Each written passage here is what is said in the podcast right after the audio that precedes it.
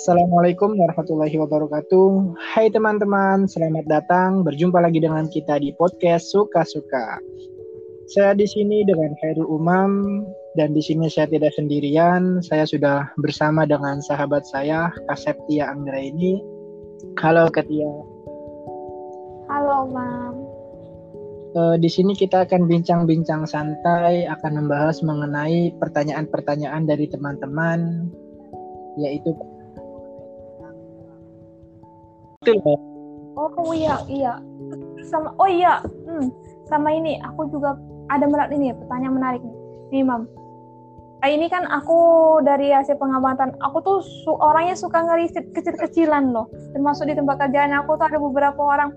Kan kenapa ya orang itu selalu kayak ini aku tuh aku tuh paham. Cuman aku tuh untuk kata-kata ngeluarin itu susah. Jadi kayak gini loh mam jadi antara orang tinggi sama ibaratnya ya orang tinggi sama orang rendah tuh kenapa dibeda-bedain gitu jadi misalkan kayak gini nih misalkan aku uh, aku mau aku minta dibikin aku iya. dibuatin yeah. baju dan temannya aku nih dan teman aku nih orangnya berada berada dan orangnya terpandang lah di daerah sini karena orang kaya gitu ya nah dia tuh juga minta bikin baju nah tuh si tukang baju ini dia nggak kan itu dia itu buat baju aku sama buat baju yang orang yang satu yang orang terpandang anak yang terpandang tadi itu berbeda.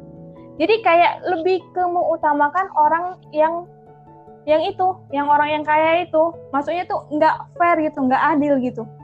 Itu sederhananya sih kayak gitu tapi bukan masalah baju sih. Kenapa ya orang itu kayak gitu itu? Ya itu emang udah sisi kemanusiaannya dari manusia itu sendiri sih. Jadi kayak kita itu lebih menghargai orang-orang yang intinya orang-orang berada, intinya orang-orang yang terpandang kayak gitu. Soalnya kita iya, iya dan, aku dan aku juga nggak suka. Iya, karena dari kecil kita sudah didoktrin oleh hal-hal seperti itu. Jadi emang memang tidak semuanya ada juga tapi hampir di, bisa dikatakan 80% itu seperti itu. Jadi didikan dari dulunya itu kayak gitu. Jadi kayak melihat kejadian-kejadian semasa kecilnya oh ternyata kayak gini. Jadi walaupun tidak diajari walaupun tidak dikasih tahu tuh secara dengan sendirinya terdoktrin oleh kehidupan sehari-harinya di masa kecil dia. Kayak gitu iya kadang-kadang kan iya jadi seolah-olah ya orang yang rendah makin terendah gitu. Orang yang terpandang itu ya makin terpandang iya, jadi... jadi kayak kenapa harus dibedain bedain seperti itu? Padahal seharusnya ya mungkin karena aku tuh di sisi sisinya aku tuh pengamat jadi jadi aku sedang aja ngomong. Jadi kenapa nggak justru yang mereka yang lebih membutuhkan lebih kita utamain diutamain gitu maksudnya Iya, jadi kayak sama kalau kita bekerja itu kayak kita menjalankan tentang profesionalitas dan bekerja gitu loh kak. Jadi ada orang-orang yang lebih mementingkan kepentingannya di dalam perusahaan tersebut karena dia mempunyai jabatan dan kadang ada juga orang-orang yang mementingkan profesionalitas dalam bekerjanya di perusahaannya. Kan kita sering sering dengar ya kayak bahasa-bahasa orang dalam di pekerjaan gitu loh jadi kayaknya enak tuh si misalkan enak tuh si A bekerja di perusahaan itu karena punya orang dalam. Jadi kesannya itu sama kayak pembahasan dari Katia tadi loh. Walaupun samanya orang dalam lebih percaya gini loh. Saya punya misalkan saya bekerja di perusahaan PLN terus di perusahaan tersebut sedang membutuhkan karyawan. Di sisi lain saya punya keponakan dan ada orang-orang di luar sana yang membutuhkan pekerjaan tersebut. Intinya sama-sama membutuhkan pekerjaan. Berarti isi keponakan saya ibarat kata sama seperti orang yang terpandang kan, orang yang berada. Jadi kesempatan untuk bisa masuk ke perusahaan yang saya jalani sekarang itu lebih besar karena ada pamannya, ibarat ada saya di sini sebagai pamannya. Jadi kebanyakan orang kayak gitu. Walaupun dari atasannya kadang kan dari atasan kayak gitu. Daripada nyari orang lain dalam tanda kutip belum tentu benar, ibaratnya belum tentu tanggung jawab, lebih baik mempercayakan tangan kanan atau orang yang sudah lama bekerja di situ untuk mencari walaupun itu bagian dari keluarganya sendiri. Tapi di sisi lain ada orang-orang yang misalkan profesionalitas kerjanya tinggi, dia akan sama-sama bisa memasukkan keluarganya, bisa juga memasukkan orang lain di luar sana, tanda kutip dengan cara rekrutmen dengan aturan-aturan yang berlaku di perusahaan tersebut kan harusnya kan seperti itu. Jadi kayak fair ya. gitu, adil ya, nggak nggak nengok ya, kanan jadi gitu ya. itu sih kayak kebiasaan udah dari zaman dahulu itu seperti itu. Jadi pemikiran kita atau mindset kita itu terdoktrin seperti itu. Jadi kayak lebih mengutamakan orang yang terpandang, mengutamakan orang-orang yang jabatannya lebih tinggi. Tapi ada juga orang-orang yang seperti itu. Ada yang menyamaratakan kedudukan orang tidak melalui jabatan, tidak melalui keluarga, cuma ya hanya beberapa orang saja. Oh berarti itu mungkin sama kayak kerjanya hati kali ya. Karenanya aku kan pernah dengar kayak gini katanya. Uh, itu kan apa yang kita lakukan itu kan karena apa yang ada di dalam hati kita, di ruhianya kita. Di, jadi kalau hatinya kayak apa ya? Jadi kalau misalnya contohnya aja nih kayak aku sama kamu nih misalkan, terus aku lagi nggak senang sama kamu nih, lagi nggak seret apa pun yang kamu lakukan pasti sudah nggak terlihat baik gitu. Jadi mau lakuin apa pun udah malas. Jadi kalau mau bikin bajunya kamu, terus bajunya temannya aku yang sedangkan aku yang suka pasti lebih bagus sama aku buat sama bajunya temannya aku yang lebih bagus tentunya daripada buat yang bajunya kamu karena yang udah bikin aku kesel. Itu berarti nyangkut di hati juga bisa, ya? Bisa, bisa, bisa gitu ya? juga jadi intinya kembali ke pelajaran hidup masing-masing sih kalau kayak misalkan dari kecilnya dia sudah dididik dengan hal-hal yang baik, hal-hal yang positif, ya nggak akan terjadi hal-hal yang seperti itu juga sih. Hmm, menurut kamu itu kira-kira bisa nggak itu dirubah sifat-sifat kayak gitu? Dirubah? Ah, itu itu termasuk habit sih ya? Iya itu termasuk ya? habit kayak termasuk udah karakter yang sudah mendalam di orang-orang Indonesia gitu. Jadi kalau mau ngerubah ya kita harus mendidik dari orang-orang sedini mungkin gitu loh kayak kita punya adik, kita punya anak, punya keponakan kita didik dari bawah. Itu sih makanya pentingnya sistem pendidikan itu ya pendidikan moral yang pertama itu pendidikan moral emang benar seperti yang dikatakan Rasulullah Shallallahu Alaihi Wasallam kan innama itu diutami makarimal akhlak. Jadi ketika Rasul diturunkan itu untuk menyempurnakan akhlak-akhlak orang-orang Arab. Orang Arab itu zaman dulu ya oh ya, saya mau bahas tentang ini. Ada orang-orang yang bilang bahwa negeri Arab sekarang kan sudah makmur, ya kan Kak? Sudah iya, betul. semuanya nah, sudah nah. sudah intinya sudah keistimewaannya lebih-lebih. Bahkan katanya mobil Lamborghini di Saudi Arabia itu menjadi mobil paket untuk pengantar pizza. Masya Allah. Ada orang yang mengatakan bahwa itu salah satu ciri-ciri tanda kiamat pernah dengar yang kata-kata seperti itu kan ya? Jadi ketika Betul negeri Arab itu sudah mulai sukses, sudah mulai berkembang pesat, di situ adalah ciri-ciri datangnya hari kiamat. Di sisi lain memang Rasulullah berkata seperti itu, tapi jika dilihat dari peradaban zaman dahulu pun sama. Zaman dahulu itu di negeri mana pun yang paling berkembang, yang paling sukses negara maju itu di Arab karena semua produksi perlengkapan apa pun semuanya ada di Arab. Kayak budaya kayak ilmu dan intinya apa pun. Makanya kan ada orang yang mengatakan kenapa di situ disebut zaman jahiliyah padahal semua teknologi di saat itu negara Arab itu paling maju. Ya karena itu disebut zaman jahiliyah karena yang jahil yang bodoh bukan orang-orangnya. Tapi mindset moral dan akhlaknya. Makanya kenapa Rasulullah diturunkan di negeri Arab yang semuanya sudah berkembang pesat, tapi ada tanda kutip negatifnya yaitu di moral-moral, di akhlak-akhlaknya. Makanya Rasul turun untuk menyempurnakan akhlak, terutama akhlak dalam beragama, akhlak dalam bertuhan, itu yang jadi fokus utamanya. Jadi pendidikan pertama itu emang moral itu penting untuk anak-anak kita, untuk adik-adik kita. Makanya dari sedini mungkin kita mendidik adik-adik kita ya jangan dulu tentang ilmu-ilmu dunia ataupun bahkan ilmu-ilmu agama. Jadi sekecil apa pun itu moral intinya paling penting karena moral itu akan menjadi habit di masa depan kita gitu loh. Apa yang kita lakukan sekarang kan menjadi cerminan kita di masa depan gitu loh.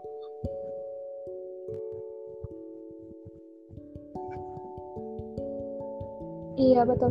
Jadi moral itu kayak yang mungkin itu sama kayak tauhid tauhid gitu nggak sih? Tauhid akidah pengenalan pengenalan sama cuma kan tanda kutipnya beda. Kayak misalkan tauhid itu moral kita kepada Tuhan. Kayak bagaimana kita menuhankan sesuatu. Ini kalau misalkan yang pernah saya dengar ya dalam ilmu tauhid moral dalam ilmu tauhid itu salah satunya menjaga ketuhanan kita. Jadi intinya jangan sampai musyrik kan, kita harus percaya dengan adanya Allah Ta'ala yang Maha Satu. Kita tidak boleh menyekutukan Allah dalam tauhid kan secara umum seperti iya, itu. Dan di situ walaupun ilmu tauhid itu amalan-amalannya banyak, yang paling penting di ilmu tauhid juga adalah moral, akhlak dalam bertuhan. Apa sih contohnya? Saya kasih contoh. Misalkan kita lagi jalan berdua, misalkan saya sama Katia jalan berdua di pinggir jalan. Tiba-tiba di belakang Katia itu ada mobil yang mau menyerempet Katia. Kemudian Katia saya tarik dan Katia selamat dengan spontan saya berbicara kayak gini.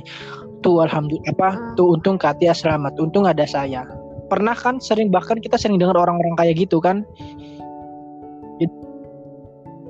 Itu uh, itu secara secara iya, teori iya. dasar Padahal moral kita di situ kita sudah salah loh sudut pandang Allah, kita ya. sudah salah.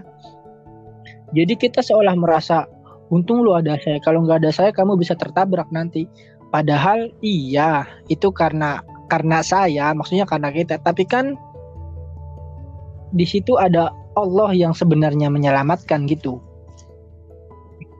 Ada yang menggerakkan. Kadang sesimpel itu. Jadi moral itu dasar sih menurut saya. Pentingnya beragama itu moral terlebih dahulu. Jadi sempat ada orang-orang yang berkata juga seperti ini. Penting mana adab sama ilmu, iya kan? Saya bilang lebih penting adab daripada ilmu. Terus teman saya itu malah nyolot iya, katanya adab. ilmu itu lebih penting. Di mana kita beradab kalau kita nggak punya ilmu, katanya seperti itu. Terus saya bilang kayak gini, gini loh.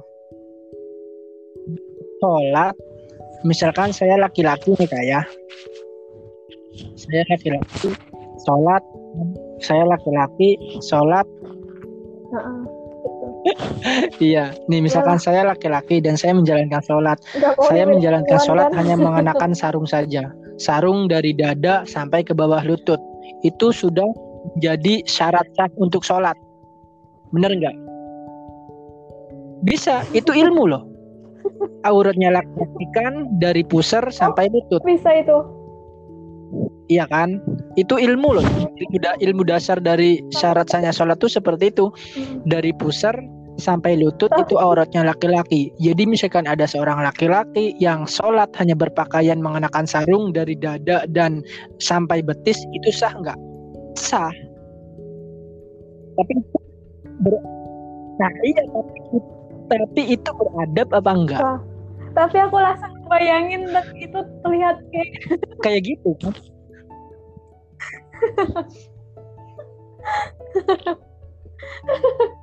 jadi kayak ya aku langsung membayangin loh mam jadi seolah-olah kamu lagi di masjid terus pakai sarung, sarungnya sampai dada doang. Aku yakin iya, itu dengan berpakaian seperti itu pun itu sudah memenuhi syarat dalam melaksanakan sholat. Itu kan emang ilmu, ilmunya di situ ada. Karena aurat laki-laki dari pusar sampai lutut. Cuma kan kita dilihatnya pantas enggak? Kita dilihatnya hmm. beradab apa enggak?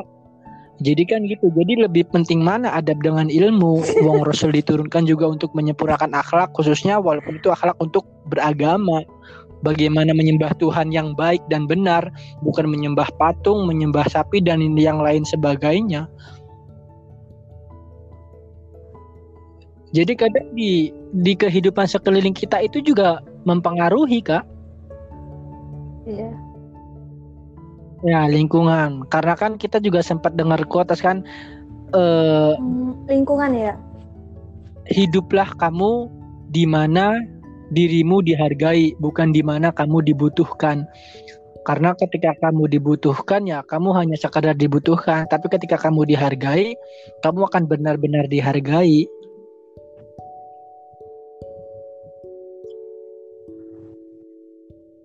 Itu juga bisa nyambung hmm, ke memilih teman, memilih lingkungan, bagaimana kita mencari. Ya intinya bukan? banyak sih kayak kuotes-kuotes yang begitu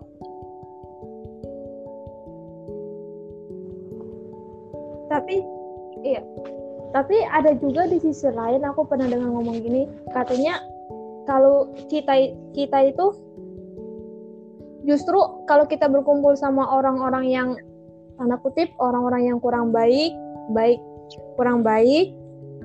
Nah justru orang itu harusnya nggak kita jauhin kita yang ngajak mereka. Tapi kan ada juga di sisi lain kalau kita katanya kita itu berteman sesuai dengan sesuai dengan apa? Frekuensinya kita. Jadi kan kayak ada juga yang ngomong gitu kan kalau kita pengen ngelihat agama kita Uh, atau jadi kita juga sama lihat intinya bisa temen -temen, dibedain sih. Temen jadi kayak gitu. lingkungan gitu. sekitar dengan orang lingkungan sekitar dengan orang-orang yang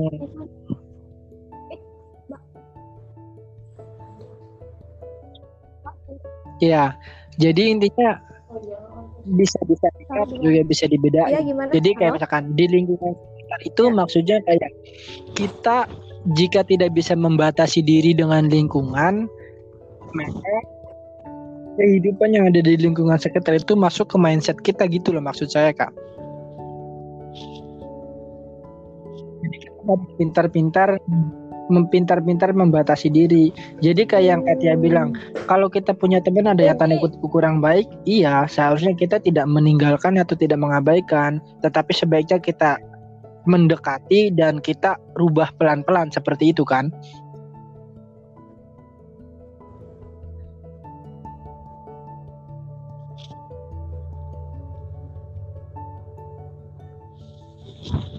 Oh, jadi terus kalau yang katanya kalau kita kepengen lihat uh, standar agamanya kita itu kalau itu lihat secara sudut pandang aja sih bagi bagi saya itu hanya sudut pandang orang-orang.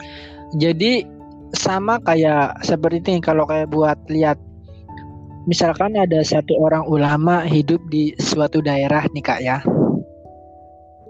Di suatu daerah tersebut lingkungannya bukan orang-orang yang mayoritas hmm berakhlak baik. Ibaratnya contoh lah tanda kutip dalam satu kampung itu semuanya pelacur. Nah, jadi ada satu ulama. Ulama ini kan mempunyai tanggung jawab. Kembali lagi ke yang masalah keseharian kita cuma ini secara umumnya nih ya. Ulama tersebut hidup di lingkungan dalam satu kampung semuanya pelacur. Bagaimana sikap dari seorang ulama tersebut jika seorang ulama tersebut yakin dan mampu akan bisa mengubah walaupun kecil untuk di lingkungan sekitarnya, maka seorang ulama tersebut wajib bertahan di situ. Wajib menyiarkan agama, wajib berdakwah, wajib menyebarkan syariat-syariat Islam untuk di lingkungan sekitar yang mayoritas itu pelacur.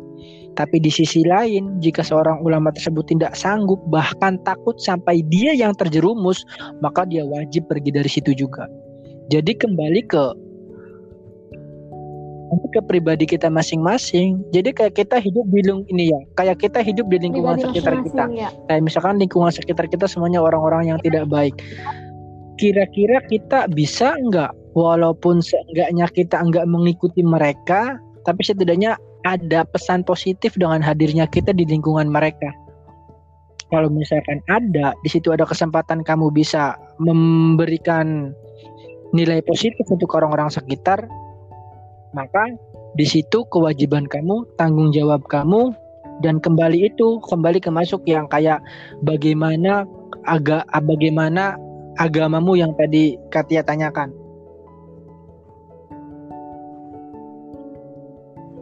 Kadar agama kita. Jadi di situ kita diuji. Tapi kalau misalkan kita takut kita. bahkan ikut terpengaruh, maka kita juga wajib pergi juga. Karena kan ya walaupun wajib menyampaikan satu ayat, kita juga harus jaga-jaga juga. Karena dalam beragama itu tidak ada paksaan juga.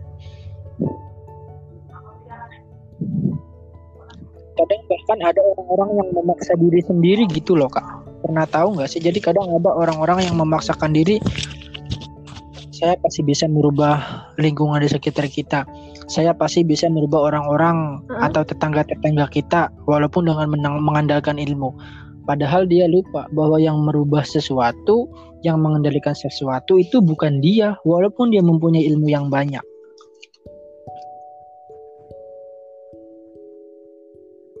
Eh, eh, tetap. Karena ketika tetap tetap Nabi Muhammad tadi ya.